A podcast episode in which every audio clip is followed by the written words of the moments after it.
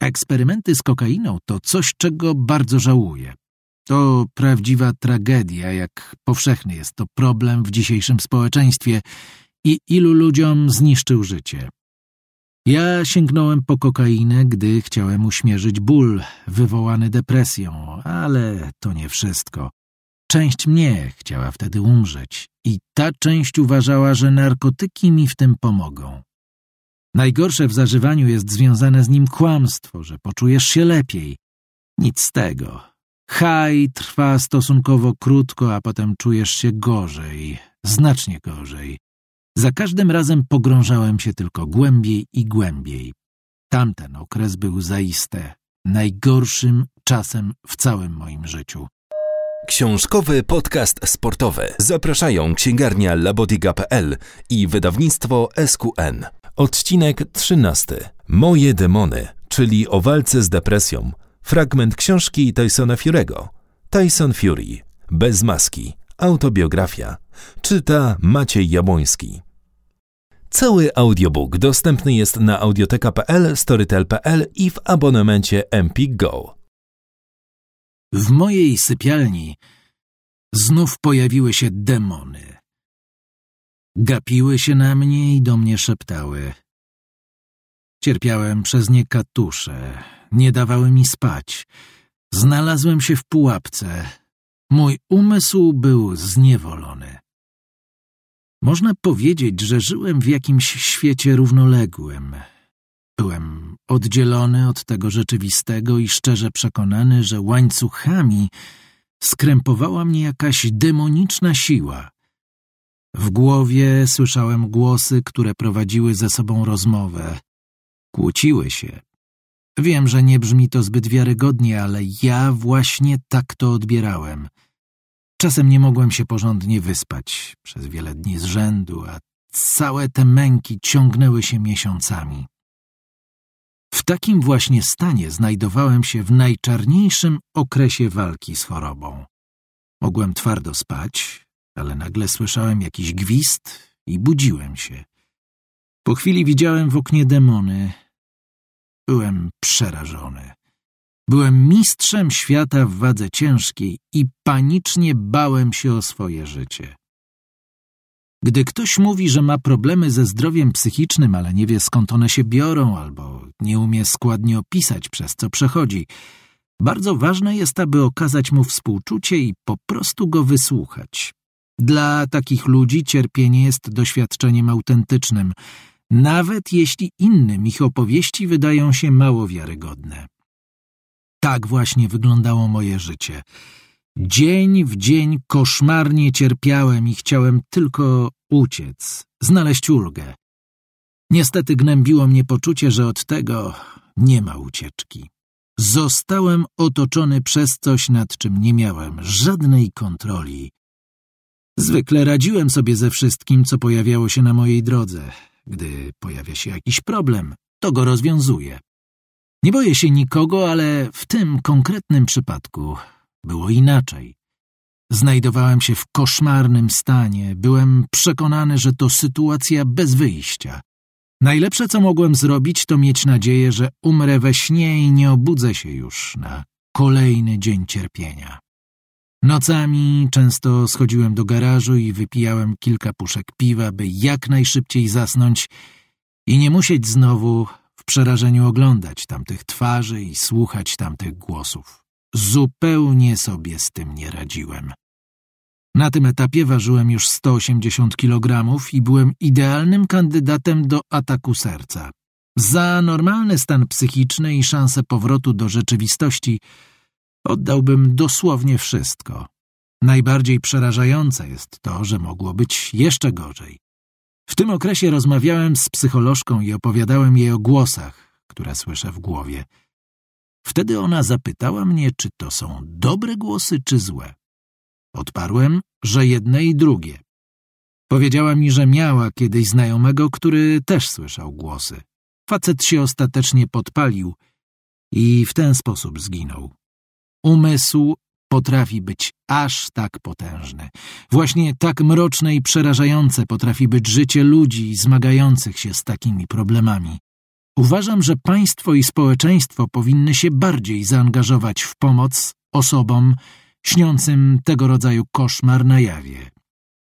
Potęga umysłu jest niemal niepojęta, ale skoro może on sprowadzić na nas tak wszechogarniający mrok, to może nas również z niego wydobyć.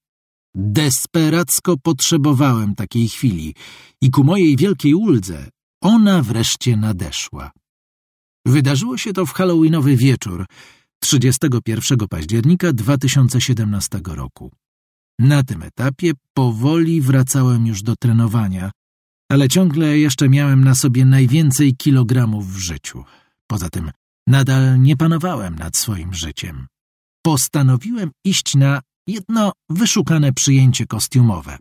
Założyłem, że to będzie wieczór jakich wiele, że będzie mnie tam interesować wyłącznie topienie smutków w alkoholu i czym tam jeszcze.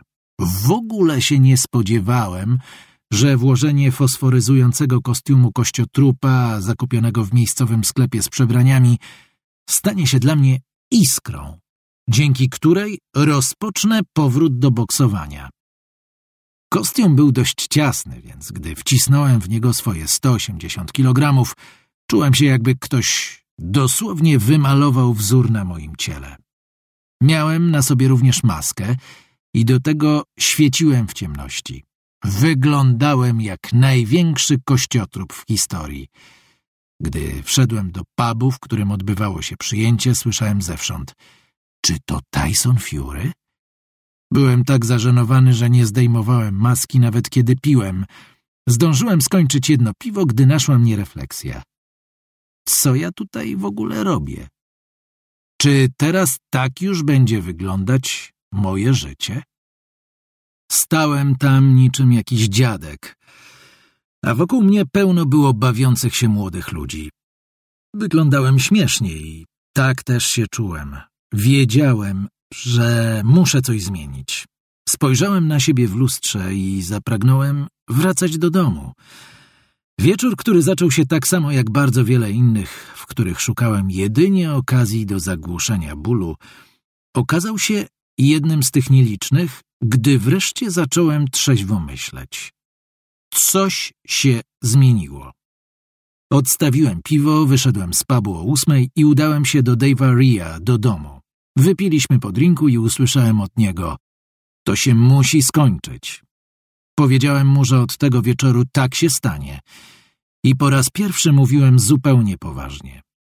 Wróciłem do domu, co już samo w sobie zaskoczyło Paris, bo zdążyła założyć, że czeka ją kolejna okropna noc, że spędzi ją na wyczekiwaniu, aż ktoś przywiezie mnie w koszmarnym stanie.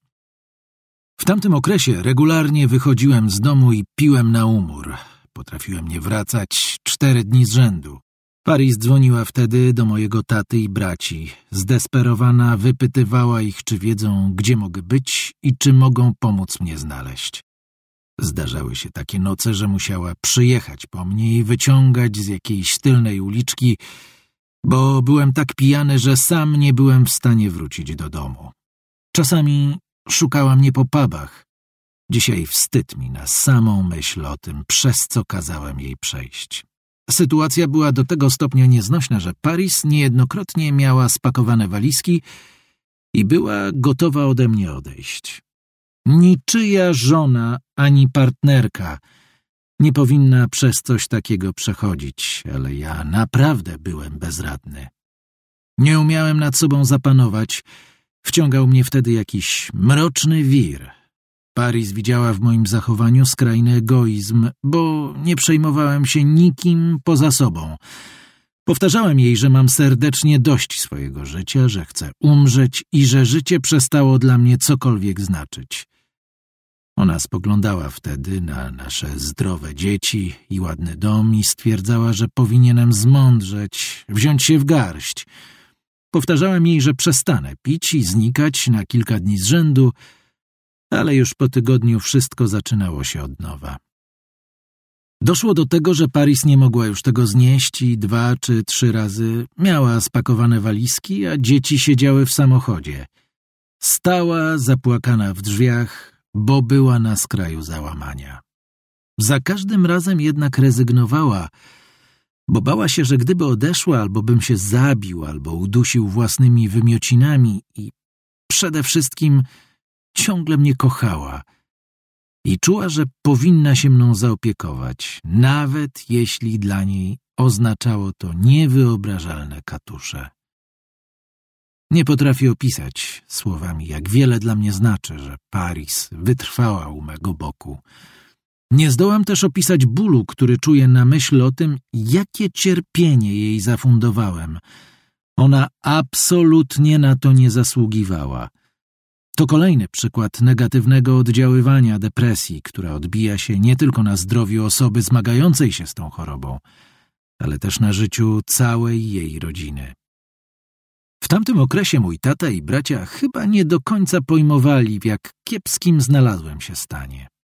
Nikt nie wiedział, że w celu pokonania depresji zacząłem eksperymentować z kokainą.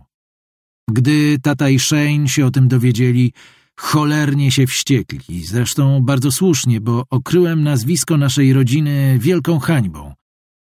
Pewnej nocy, gdy wróciłem do domu, Paris zapytała mnie o to wprost a ja stałem przed nią jak dzieciak przyłapany na podbieraniu słodyczy i powtarzałem, że nie brałem kokainy. Moja żona wrzasnęła, nie jestem głupia, więc mnie tak nie traktuj. Wtedy do wszystkiego się przyznałem. Błagałem ją o wybaczenie i przysięgałem, że to się już nigdy nie powtórzy. Wcześniej, przez całe życie, nigdy nawet się do prochów nie zbliżyłem, ale teraz upadłem aż tak nisko. Miałem poczucie, że na miejscu Paris wiele osób spakowałoby walizki i wyszło z domu ani razu nie oglądając się za siebie. Do końca życia będę jej wdzięczny za okazaną mi miłość i wsparcie, zwłaszcza wtedy, gdy na to nie zasługiwałem. Wróćmy do tamtego wieczoru halloweenowego. Gdy wyszedłem od Dave'a i ku zaskoczeniu Paris wróciłem do domu, Poszedłem na górę do sypialni i zdjąłem z siebie kostium. Stałem tam w samej bieliźnie i rozmyślałem nad wszystkimi swoimi problemami i nad swoim zachowaniem. Zrozumiałem, że nie mogę dłużej tego ciągnąć. W tym momencie przypomniałem sobie autobiografię George'a Formana, byłego mistrza świata w wadze ciężkiej. Pisał o tym, że w pewnym momencie nie widział już innego wyjścia, jak paść na kolana i prosić Boga o pomoc. Postanowiłem zrobić dokładnie to samo. Płakałem jak bubr. Podłoga była mokra od potu i łez, gdy błagałem go o ratunek. Gdy wreszcie się podniosłem, wiedziałem, że oto zaczął się mój powrót. Nawet jeśli w moim życiu nadal pełno było negatywnych czynników i przeszkód, które musiałem pokonać – tym razem nie chodziło jednak wyłącznie o powrót na ring, ale o powrót do równowagi psychicznej. Książkowy podcast sportowy znajdziecie na YouTubie oraz platformach streamingowych Anchor, Breaker, Google Podcast, Pocket Cast, Radio Public i Spotify. Zachęcamy do zasubskrybowania na nich kanałów wydawnictwa SQN. Nie przegapicie w ten sposób żadnego nowego odcinka. Dziękujemy. Gdy zszedłem na dół, Paris zapytała, co się dzieje. Ale ja odparłem tylko, nieważne. Liczy się to, że jutro zacznę realizować misję, której celem jest odzyskanie tytułu Mistrza Świata w wadze ciężkiej. Jestem pewien, że mi wtedy nie uwierzyła. Słyszała podobne zapewnienia już nieraz. Obiecywałem jej to wielokrotnie, ale tym razem naprawdę mówiłem serio. Następnego ranka obudziłem się z poczuciem, że jestem wolny. Odzyskałem pragnienie życia, jakiego nie czułem od bardzo, bardzo dawna. Założyłem dres z zamiarem przebiegnięcia parunastu kilometrów, czego nie robiłem już pewnie ze dwa lata.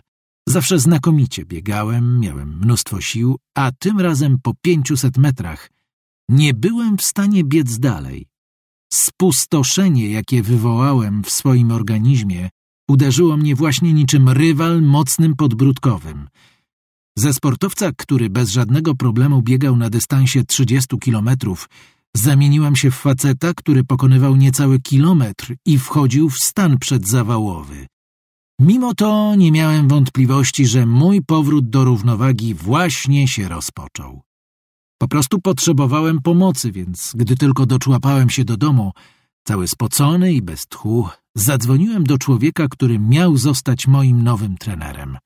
Do Bena Davisona. Wiedziałem, że to dla mnie odpowiedni facet, odkąd latem 2017 roku spędziliśmy razem trochę czasu w Marbei. Siedzieliśmy sobie w hotelu i gadaliśmy, gdy nagle postanowiłem rzucić mu wyzwanie. Chciałem się przekonać, czy facet ma odpowiednio duże jaja, by być trenerem mistrza świata w wadze ciężkiej. Miał 24 lata i całkiem nieźle się prezentował, więc postanowiłem sprawdzić, czy wystarczy mu odwagi, żeby podejść do dwóch dziewczyn i zdobyć ich numery. Wstał bez wahania i wykonał zadanie. Uznałem, że z taką pewnością siebie będzie dla mnie właściwym trenerem. Wtedy nie byłem jeszcze gotów, by zacząć pracować nad powrotem na szczyt. Ale gdy ten moment wreszcie nadszedł, wiedziałem, że w narożniku mam Bena. Bena poznałem w marcu 2016 roku na gali pięściarskiej w Glasgow. Mój przyjaciel Billy Joe Saunders bronił tam tytułu mistrza świata Federacji WBO w wadze średniej, więc pojechałem go wesprzeć. Jego trenerem był wtedy Ben, więc chwilę pogadaliśmy, ale dłużej porozmawialiśmy dopiero rok później, gdy postanowiłem wpaść na obóz przygotowawczy Billego Joe w Marbei. Działo się to w kwietniu 2017 roku, co najlepiej świadczy o tym, w jak chorym i pokręconym znajdowałem się stanie. Z jednej strony nie chciałem mieć z boksem nic wspólnego, ale z drugiej kochałem ten sport i związane z nim wyzwania na tyle, by chcieć jechać na czyjś obóz przygotowawczy. Ben widział, że gdzieś głęboko we mnie nadal tli się pięściarska pasja. Może i ogień niemal zgasł, może i został z niego już tylko mały płomyk, ale na krótką chwilę zapłonął wtedy ponownie. Davison obwiązał mi dłonie, a wtedy poczułem ekscytację. Zakładając rękawice, obserwowałem go, jak przygotowywał tarczę, by ze mną potrenować. Obaj wybuchliśmy śmiechem, bo wiedzieliśmy, że zachowuje się jak podjarany dzieciak, który dostał właśnie nową zabawkę. To był krótki moment radości w ciągu dwóch wypełnionych mrokiem lat, ale naprawdę mi się podobało, gdy mogłem poskakać po ringu i przypomnieć sobie dawne kombinacje. Poczułem się jak wtedy, gdy zaczynałem karierę amatorską. To było takie czyste doznanie, bez wszystkich dodatkowych okoliczności charakterystycznych dla boksu zawodowego, tego wszystkiego, co zepchnęło mnie w ten jakże głęboki dół. Tamten trening pomógł mi uwierzyć, że powrót na ring jest możliwy. Zacząłem wtedy mówić innym, że znów chcę walczyć. Zdradziłem to nawet kilku dziennikarzom – Niestety już wkrótce po powrocie do domu cały optymizm, którym zaraził mnie Ben, zniknął pod naporem depresji. Wkrótce ponownie pędziłem ku autodestrukcji i miałem poczucie, że nic się nie liczy. Znów nie chciałem mieć z boksem nic do czynienia i nawet zmieniłem numer telefonu, żeby nikt nie mógł się do mnie dobić. Znów myślałem o śmierci. Potem nadeszło wspomniane Halloween i kiedy założyłem tamten kostium kościotrupa, wróciło pragnienie powrotu na ring. Napisałem do Bena krótkiego smsa. Bierzmy się do roboty. Ben oddzwonił i zapytał, co masz na myśli? Czyżbym był gotowy, żeby cię trenować? Wtedy wyjaśniłem mu, że naprawdę tego chcę. Ben pracował z kilkoma innymi pięściarzami, a nie należy do ludzi, którzy z dnia na dzień zrezygnują z jakiegoś zawodnika, bo pojawiła się dla nich lepsza okazja. Porozmawialiśmy o tym, co będzie mi potrzebne, żebym mógł wrócić na szczyt. Ben uznał, że jeśli ma mi w tym pomóc, musi się skupić wyłącznie na trenowaniu mnie. Po długim namyśle, dokonawszy niezbędnych uzgodnień z innymi pięściarzami, Ben zgodził się mnie poprowadzić, a nawet zamieszkać ze mną i moimi bliskimi w naszym domu w Morecambe. Jedyny problem polegał na tym, że nie powiedziałem o tym Paris. Kiedy więc pewnego dnia Ben zjawił się u nas o dziesiątej rano, moja żona otworzyła mu zaskoczona, a jak krzyknąłem gdzieś z oddali zapomniałem ci powiedzieć, że Ben zatrzyma się u nas na kilka miesięcy. Muszę przyznać, że dzięki Paris trener szybko poczuł się jak w domu. Codziennie urządzaliśmy dwie sesje, ale wspomniane kilka miesięcy przerodziło się w półtora roku przygotowania mojego powrotu na ring. Jeśli chciałem wrócić do boksowania, musiałem równolegle pracować nad swoją kondycją psychiczną i tracić na wadze. Do przezwyciężenia był jeszcze jeden problem. Od lutego 2015 roku do grudnia 2017 roku nad moją głową zawisły podejrzenia, że w organizmach moim i mojego kuzyna Hugh'ego Furego znaleziono duże ilości nandrolonu. Musiałem uporać się z tymi zarzutami, zanim mogłem naprawdę uwierzyć, że będę jeszcze kiedyś boksował. Byłem regularnie sprawdzany przez ludzi z UKAD, czyli brytyjskiej agencji antydopingowej. Testowano mnie zapewne częściej niż większość innych pięściarzy. Kiedy wreszcie zakończyli swoje dochodzenie, pokazali wyniki szeregu badań, które były ujemne. Problem podwyższonej ilości nandrolonu wypłynął w lutym 2016 roku, ale o potencjalnych zarzutach przeciwko mnie dowiedziałem się znacznie później. Ten związek chemiczny jest naturalnie wydzielany przez organizm, ale z jakiegoś powodu u mnie było go za dużo.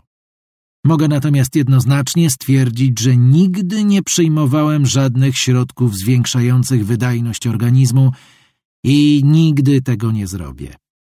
Kiedy sprawa została zamknięta, największą tajemnicą pozostawało to, dlaczego UKAD potrzebowała na to aż tyle czasu. Dlaczego kazali mi czekać w czyśćcu i pozwolili, by ludzie wyzywali mnie od oszustów na dopingu? Dlaczego zafundowali mi takie upokorzenie? Nie mogłem oprzeć się wrażeniu, że za kulisami zadziałały w tej sprawie inne siły. Boks to szemrany biznes i naprawdę trudno jest mi nie zastanawiać się, czy jeśli ktoś się obawiał, że nie jest w stanie pokonać mnie w ringu, nie postanowił trzymać mnie na dystans w inny sposób. Na szczęście Bóg był po mojej stronie, a gdy Bóg jest po mojej stronie, kogo miałbym się obawiać? Nikogo. Po zakończeniu dochodzenia UKAD napisała w oświadczeniu, że nie udało się ustalić, jak doszło do stwierdzenia u mnie podwyższonego poziomu nandrolonu. Wsparcie prawników zajmujących się tą sprawą kosztowało ponad milion funtów. W prasie spekulowano, że gdybym poszedł z tym do sądu i wygrał, a wiem, żebym wygrał, UKAD mogłaby zbankrutować. Z pewnością oznaczałoby to jednak trzy lub cztery kolejne lata walki sądowej. Tak czy owak sprawa została wyjaśniona i mogłem zacząć na poważnie myśleć o powrocie na ring. Wcześniej musiałem jednak uzyskać zielone światło od British Boxing Board of Control. Musieli sprawdzić, czy jestem mentalnie gotowy do walki, bo wcześniej zawiesili mi licencję po tym, jak wycofałem się z rewanżu z Kliczką, a także z powodu mojego wyznania, że zażywałem kokainę.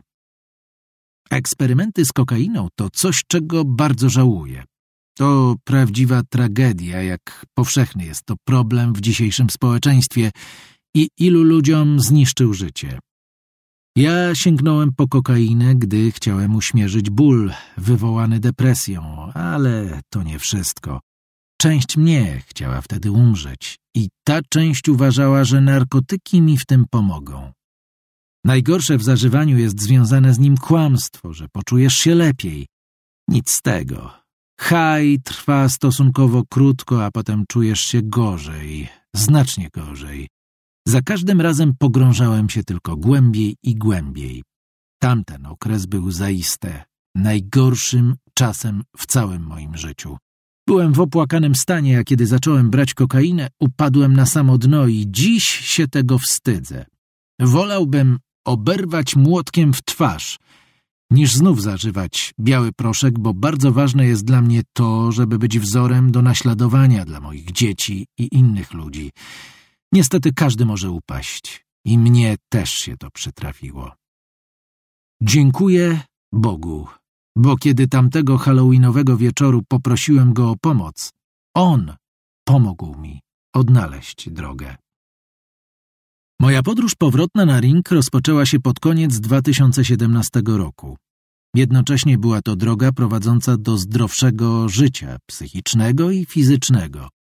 Współpraca z Benem układała się świetnie, ale nadal nie miałem licencji bokserskiej, a zewsząd natykałem się jedynie na opinie krytyków, którzy twierdzili, że nie ma mowy, żebym wrócił. Ludzi, którzy we mnie wątpili, bynajmniej nie brakowało. Wynikało to pewnie z faktu, jak długo mnie nie było, a także z tego, jak bardzo się roztyłem. W sumie mieli zupełnie dobre powody, by twierdzić, że nigdy nie wrócę na szczyt. No ale cóż, tak zwani eksperci wcześniej też nie wierzyli, że jestem w stanie zwyciężyć z Władimirem Kliczką i uważali, że nie wygram z UKAD. Ja pokładałem wiarę w Bogu. Jeśli On zechce mojego powrotu, da mi siłę, bym mógł tego dokonać. Bardzo ważne było dla mnie to, że prawdziwą zmianę zauważyła we mnie Paris. Wiedziała, że poważnie podchodzę do powrotu na ring, bo również w domu stałem się innym człowiekiem. Bóg poddał mnie naprawdę ciężkim próbom. Doszło do tego, że znalazłem się w izolatce ze ścianami wyłożonymi na miękko. Jeden psychiatra napisał wręcz w mojej dokumentacji, że gdyby doszło u mnie do kryzysu wiary, popełniłbym samobójstwo. Najwyraźniej nie rozumiał, jak bardzo jestem pobożny. Religia to nie jest coś, z czego mogę od tak zrezygnować. Wyłaniałem się z otchłani, w którą zepchnęła mnie depresja. W końcu lekarz oraz kolejny psychiatra orzekli, że jestem stabilny i pod względem zdrowotnym zdolny do ponownego boksowania. British Boxing Board of Control wzięła pod uwagę również to, że wznowiłem treningi oraz że gubię kilogramy, więc cofnęła moje zawieszenie. Książek sportowych szukaj na labotiga.pl. Labotiga.pl. Największa księgarnia sportowa w internecie.